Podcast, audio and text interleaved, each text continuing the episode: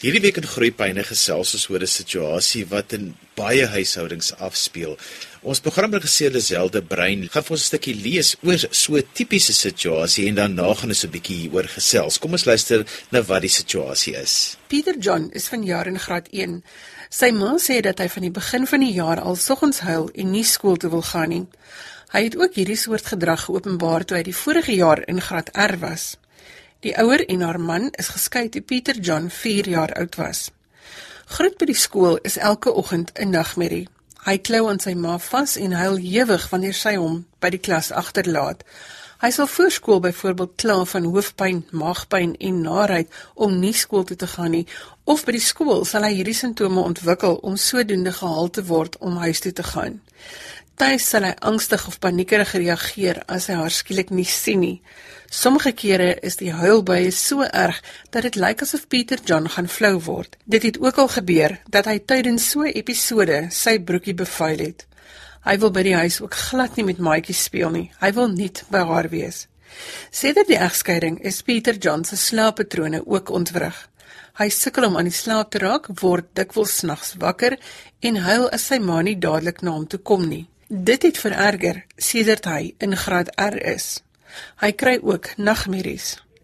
Pieter John sal ook onrealistiese vrese en voortdurende bekommernis teenoor haar noem. Byvoorbeeld dat sy iets sou oorkom in 'n ongeluk wanneer hy by die skool is of dat sy ontvoer sou word of dat sy wanneer sy na haar oggendwerk toe gaan op straat aangeval gaan word. Pieter John se gedrag het ook 'n negatiewe uitwerking op die twee ouer kinders in die gesin. Hulle voel dat hy voorgetrek word en dat hy die meeste aandag kry. Hy wil ook glad nie op die afgespreekte tyd na sy pa toe gaan nie uit vrees dat sy ma hom nie weer gaan kom haal nie. En so lees Liselde Brein vir ons wat 'n tipiese situasie is wat in baie huishoudings afspeel. Nou om hier te gesels vandag het ek vir Dr. Susanne Jacobs op die lyn. Susanne, vertel net gou eers vir ons hoe jy by die wêreld van opvoedkunde en kinders grootmaak betrokke. Buite dat ek my eie kinders het, is ek baie lief vir kinders en het ek ook my verder bekwam in die opvoedkunde. Net opvoedkunde nie, maar ook mediese psigiese kant van die kind ook. Susanne, kom ons gesels oor hierdie scenario. Wat is die hoofpunte waarna 'n mens moet luister as 'n mens na so 'n situasie kyk? In die heel eerste plek, um, as mens na die kind kyk. Die kind tree op asof die kind getraumatiseer is, maar die kind is waarskynlik getraumatiseer. Die kind toon tipiese tekens van skeiingsangs Um, en wat veroorsaak so skeiingsangs? Dit is 'n uh, die kind wat 'n baie groot onsekerheid beleef. Kom ons kyk net gou vinnig na die um, ontwikkelingsfase van 'n kind wat 4, 5 en 6 jaar oud is. Dit is 'n fase waar die kind stadig maar seker besig is om van sy ma en sy pa los te maak, maar dit nog nie genoeg moet van die oortuiging het om dit te doen nie. Dit is ook die fase waarin 'n kind nog baie vrese ervaar of dan nou gronde is tot hierdie vrese of nie. Dis die fase waarin 'n kind sal sê daar's iets onder sy bed of daar's 'n spook in die huis of so.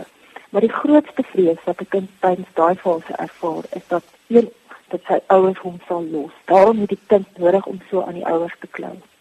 Nou hierdie kind lyk blyk duidelik dat hierdie kind bietjie registreer na 'n vorige fase toe waar ehm um, kinders in elk geval baie aan hulle ouers vasklou en bang is om losgelaat te word.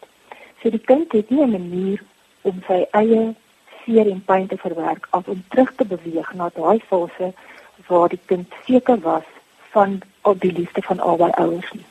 So dit mag een rede wees waarom hierdie kind so optree. So wat wat beleef hierdie kind nou? Hierdie kind beleef trauma as gevolg van 'n paar tipe situasies wat nou nie meer waar die kind nie meer gewoond is nie, soos Die egskeiding het nou veroorsaak dat daar baie aanpassings is wat in die hele huishouding moet plaasvind. Soos die ma wat dalk anders optree, die pa wat dalk nie meer daar is nie. Gewoon behalwe dit, moet die kind nou terwyl die kind nog onopgeloste probleme het, ook aanpas by 'n skool, by 'n nuwe situasie waar daar 'n ander tipe rotine is, waar onderwyser die plaasvervanger moet wees vir die ma, waar daar ander kinders is en dit dit alles dra by tot die kind se onsekerheid. So, hoekom is die kind onder andere on onseker? Hoe voel dit vir die kind? In die eerste plek is die kind baie baie bang want sy standvastigheid is weg. In die tweede plek voel die kind dalk skuldig. Die kind wonder of hy of sy nie dalk te blameer is vir die feit dat sy pa of ma gelos het of hy nou alleen is nie. Dit kan wees dat sy pa hom gesê het, "Tel jou speel goed op en te doen dit nie." En toe besluit die pa uit die kind se oogpunt nou nou gaan die pa die gesin los.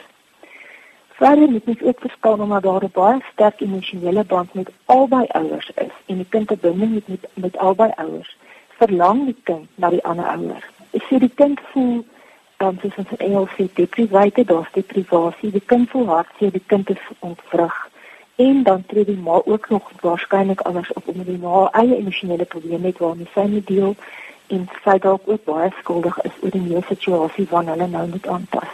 Om dit net op te som is die hele omstandigheid ehm um, dui daarop dat die kind traumatiese ervaring beleef het.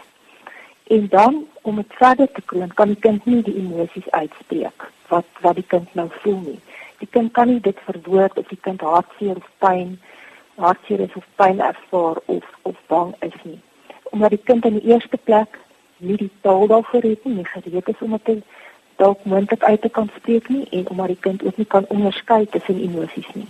Die kind is veral bang dat die objek van standvastigheid wat die kind beleef het, nou ook verder gaan verdwyn. Maar die goeie nuus is is dat wanneer ons 'n sterk band met jou kind bou, of 'n ouer sterk band met die kind bou en dit lyk asof die kind vreeslik aan die ouer vasklou, dan kan dit ook in 'n positiewe rigting draai dat die kind op die einde 'n baie sterker kind uitdraai. Dit hang net af hoe die ma of die oorblywende ouer dan nou met die kind reageer en hoe die ma met ander woorde optree. Wat van groot belang kan wees is dat die ma net bietjie kyk wat se tipe ouerskapstyl sy uitoefen en net 'n bewuswording ontwikkel van haar van haar eie tipe ouerskapstyl.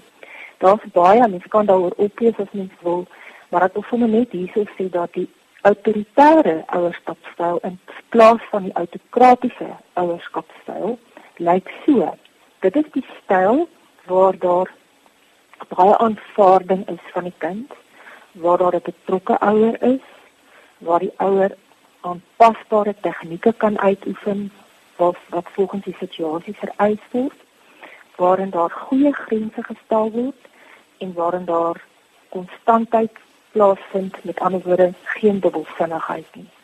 So as die ouer net bietjie kan let op hoe hy of sy optree en hulle self beter kan verstaan, kan hulle dan ook beter met die kind werk of op 'n ander manier met die kind werk sodat die kind weer vertroue kan kry want dit is die grootste vrees is die kind weet nie wie en wat om te vertrou nie. So hoe kan 'n mens nou so 'n nuwe verhouding met die kind skep of 'n dieper en meer innige verhouding met die skep? Dit is nommer 1, praat met die kind. Verduidelik vir die kind wat aangaan. Moenie net die kind in die onsekerheid los of in die donker laat nie. Gesels met die kind en vra ook die kind se opinie wanneer dit nodig is. Sê byvoorbeeld om te sê, "Ek wonder wat dink jy? Wat dink jy kan ons doen?" Um of byvoorbeeld kan die ouers sê, "Ek het nodig dat jy my help met hierdie of daardie of daardie." Dit laat die kind na waarde voel. Verder is dit baie belangrik om saam met die kind 'n rutine te bou. 'n Rutine wat altyd pas maar waar die ouer nog steeds die die laaste sê het en wat moet gebeur om die ouer van beter te weet. Rutine is gelyk aan dissipline. Rutine maak 'n kind rustig. So watter tye van die dag kan 'n mens nou 'n goeie rutine inwerk? Die beste tyd vir 'n kind is wanneer dit by slaaptyd kom. Mens kan 'n baie goeie oulike wonderlike slaaptyd rutine wat baie spesiaal is vir 'n kind. Mens kan byvoorbeeld dit so doen. Moenie die kind te vroeg laat bed toe gaan nie, maar laat die kind verstaan waarom die kind moet bed toe gaan teen 'n spesifieke tyd. Dan hou dit rustig. Lees vir die kind, gesels met die kind, help die kind om emosies te verwoord. Vra vir die kind, "Hoe was jou dag? Het jy iets wat jy vir mamma wil vertel? Mamma wil ook graag vir jou ietsie vertel." Stel die kind se rug. Maar wanneer dit sê maar het daar besluit het dat dit 8 uur is, dan moet dit 8 uur wees dan moet die kind nie nog sê nog maar nog 10 minute nog 10 minute nie. Dan kan die ma byvoorbeeld sê, "Goed, wanneer dit Vrydag aand is, dan kan jy half 9 bed toe gaan." Maar daai rutine wat elke aand gehou word, gaan al reeds vir die kind 'n baie groter rustigheid skep. Tydens daai tyd kan daar ook dalk ook vrese aangespreek word wat die kind dalk die volgende dag gaan beleef. Miskien kan die mamma vir die kind sê, "Ek weet jy is bang om skool toe te gaan." Kom ons praat daaroor. Wat kan mamma doen dat dit beter word? Wat kan jy doen dat dit beter word? Die belangrikste is hierso om nie kontak met jou kind te breek nie. Om gereeld op die kind se vlak te wees, om gereeld met die kind te gesels. Om selfs ook wanneer die kind aggressief optree of huilerig is, dit te erken en dit te validate, te valideer vir die kind te sê, ek sien jy is baie kwaad. Ek sien jou hartjie is baie seer. Eerder as om vir die kind te sê, hou op om so stout te wees want dit gaan niks aan die situasie verander nie. Jy luister na Groetpyne hier op RSG 100 tot 104 FM en wêreldwyd op die internet by rsg.co.za. Jy kan ook na ons luister op die DSTV se audiokanaal 813. My gas vandag is Dr. Susanne Jacobs en ons gesels 'n bietjie oor skeiingsangs wanneer 'n kind byvoorbeeld huil as hy kom by die skool aflaai. Susanne, verduidelik net gou-gou weer vir ons ouers presies wat is skeiingsangs? Skeiingsangs is as die kind vrees dat die ouer nie gaan terugkom om hom of haar te kom haal nie omdat die kind in, in homself nog onseker is en omdat daar dalk moontlik ander onsekerhede ook is wat nog nie aangespreek is met die kind nie. Susanne, jy het nou al 'n klompie wenke gegee oor hoe mense dit kan hanteer. Die die moeilike deel is is as 'n mens by die skool aankom, hierdie kind huil, hy wil jou nie los nie of jy kom by iemand waar jou kind moet los want jy moet iewers anders heen gaan en jou kind wil net nie van jou skei nie. Hoe maak 'n mens? Die belangrikste is om op die kind se vlak neer te daal en die kind in die oë te kyk en vir die kind te sê luister nou, mamma praat nou met jou. Ek gaan terugkom. Ek gaan jou kom haal so laat. Dit is die tyd wat ek jou weer gaan kom haal. Maar dan is dit die ouers se verantwoordelikheid om seker te maak dat die ouer wel daardie tyd daar is. Dis die enigste manier hoe die kind weer gaan leer om die ouer te vertrou as die ouer se woord sy of haar woord haar woord is. Moet konsekwent toegepas word sodat die kind die basiese vertroue kan kry wat die kind nodig het om van die van van die gevoelens van onsekerheid ontslae te raak. Susanna, die ander ding wat ook uit hierdie stukkie wat ons gelees het heel in die begin uitkom is is dat kinders baie keer onrealistiese vrese het. Hoe moet ek as ouer of versorger dit hanteer? Die belangrikste is om met die kind te gesels en vir die kind te vra, "Waarvoor is jy bang?" Um, ek sien jy is bang.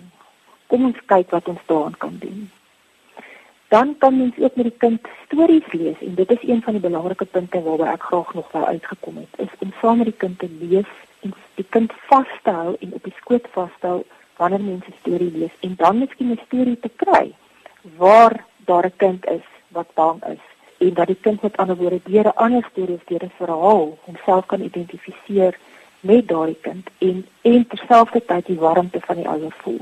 Susan het nie alle kinders byvoorbeeld in 'n huishouding sukkel met skeiingsangs nie en baie keer dan soos wat ons in die voorbeeld gehoor het is dat die ander kinders voel maar die kind wat die skeiingsangs probleem het kry nou meer aandag as hulle. Dit is presies so. Ehm um, want die kind kry meer aandag as hulle. Want die kind dit is net so, die kind kry meer aandag as hulle. Ehm um, daarom is dit nodig om as 'n gesin die wat oor van die gesin op 'n gereelde basis saam te eet aan tafel, saam te gesels en elke kind sy eie beurt te gee om te praat en 'n beurt te kry om te sê wat hulle dink en wat hulle dink hoe hulle dalk ietsie kan oplos of wat hulle graag sou wil doen. Elke kind in die in die in die in die huis is veronderstel om in elk geval 20 minute 'n dag heeltemal sy eie tyd by die ouer te kry waar die ouer in sy oë kyk en met hom gesels en hoor hoe sy dag was, dan sal daai dan sal die kinders nie onrustig en onseker wees nie want hulle sal ook nog spesiaal voel. Susanne, hoe hanteer ek hierdie skoolsiek simptome soos wat um, in ons tyd het mense ons gepraat jy het skoolsiek van dat die kind sê hy het maagpyn of hy het hoofpyn of naait, maar jy weet daar's eintlik niks fout nie. Hoe, hoe hanteer 'n mens dit want jy kan mos ook nou nie net medikasie gee as jy weet dit is eintlik maar die pyn is in die kop en die pyn het te doen met die situasie nie. Die belangrikste is om nie met die kind te raas nie en om dit nie af te maak as daar niks bestaan nie. Dalk te sê ek mamma hoor jou maagie is seer. Um nie om die kind te sê jy is net dom of jy jy jy kan nie dit elke dag doen nie. Dit is lelik om so op te tree en daai tipe van ding nie. Om liewer te met die kind te probeer gesels en met die onderwyseres dan daaroor te praat om uit te vind of dit dalk iets anders is wat sy ook kan doen om hierdie situasie te verbeter. Maar ek stuur my kind nog steeds skool toe. Ek stuur my kind nog steeds skool toe. Want dit is die moeilike deel want dan kom jy by die skool dan kla hulle en as jy dan sien hoofpyn nou baie erg en dan is die maagpyn nou baie erg en hulle hulle wil eintlik nie vir jou los nie. En dan is dit 'n moeilike situasie want dan sit jy voor die skool jy sit binne miskien in die klaskamer waar jy jou kleintjie moet gaan gaan los en dan word dit 'n uitreageer. Dis 'n moeilike situasie om te hanteer. Dit is 'n baie moeilike situasie om te hanteer en die onderwyseres moet daarso ook haar deel doen ehm um, wat ek weet dat ook kan werk is om vir die kind ietsie saam te gee van die ma. Met ander woorde 'n serpie of 'n klein teddy of iets waaraan die kind herinner kan word dat die ma daar is en dat die ma dan sê hier is ek saam met jou en ek kry jou weer voor die skool. Daar was my interessante sin in die stukkie wat ons gelees het heel aan die begin van vandag se program waar die seentjie baie bang was dat sy sy ma gaan hom nie kom haal na die afgesproke tyd wat met die pa wat dit is 'n egskeidingssituasie waar dat die ma hom nie gaan kom haal op die tyd wat sy gesê het sy gaan hom kom haal nie. Um hoe hanteer 'n mens dit want dit is ook 'n onrealistiese vrees. Dit wys dat die kind steeds onseker is en dat die kind se vertroue in albei partye nie sterk genoeg is nie dit wys dat die kind trau trauma beleef het. En en um sy dit dit gaan ook daaroor op watter manier die ouers uitmekaar is. En of of of die ouers die kind teen kinders teen mekaar opspeel. So met ander woorde die kind met een onveilige situasie vir 'n ander onveilige een verruil So die kind verkies eerder om in een onveilige situasie te bly. Wie weet jy wil jou kind gelukkig maak. Nou gaan laai ek my kind af of die pa kom haal die kind of die ma kom haal die kind en nou is dit 'n ongelukkige situasie in daai moment. Hoe moet 'n ouer dit hanteer want dit is ook nie gewoonlik is daar baie emosies nog tussen waar is dit nog vars is as dit nog is in die egskeiding is daar baie situasie weet daar's baie emosies nog van die twee ouers se kante af ook. Ja, en dit is nie die kind se verantwoordelikheid om dit uit te sorteer nie. Ehm um, die verantwoordelikheid lê by die ouers om met mekaar ordentlik te kan praat en om om om om vir die kind te kan verduidelik waarom hulle uitmekaar is, sodat die kind 'n beeld daaroor kan hê. Want 'n kind wat weet wat aangaan, word baie gouer gesond, alhoewel dit nog steeds seer maak en al, alhoewel die effek nog steeds jare kan voortduur. Susanne, as 'n kind sukkel met skeiingsangs, dan is 'n goeie plek om te begin om so 'n kind te help, juis spelterapie of speelterapie. Hoe werk dit? Vertel gou vir ons ouers wat is die pad wat 'n mens loop saam met so 'n terapeut? Waarop dit neerkom is dat 'n kind nie kan verbaliseer wat hy voel, hy of sy voel of beleef nie. Maar vir 'n kind is spel 'n baie natuurlike manier van uitdruk. So saam met 'n spelterapeut sal 'n kind of teken of met klei speel of een of ander met deur middel van een of ander sensoriese modaliteit daarbey kan uitkom om dit wat hy of sy beleef uit te speel. In die, die situasie sy angste en sy vrese uit te speel sonder dat hy nog die woordeskat daarvoor het. En dan gaan die terapeut van daar af verder en doen die nodige op grond van wat uitgekom het. Maar spelterapie gaan ook daaroor om die kind te bemagtig, om homself te ontdek, om om om self awareness, 'n bewuswording te kweek van hoekom ek dit of dat of dat doen en dan die kind uit te wys op sy sterkpunte en so daardeur die kind te bemagtig. Onthou jy kan weer na vandag se program luister as 'n potgooi, laai dit af by rsg.co.za. Ons het vandag gesels 'n bietjie oor skeiingsangs. My gas was Dr. Susanne Jacobs. Skryf gerus my e-pos by groeipyne by rsg.co.za. daarmee groet ek dan vir vandag tot volgende week van my Johan van Lille. Totsiens.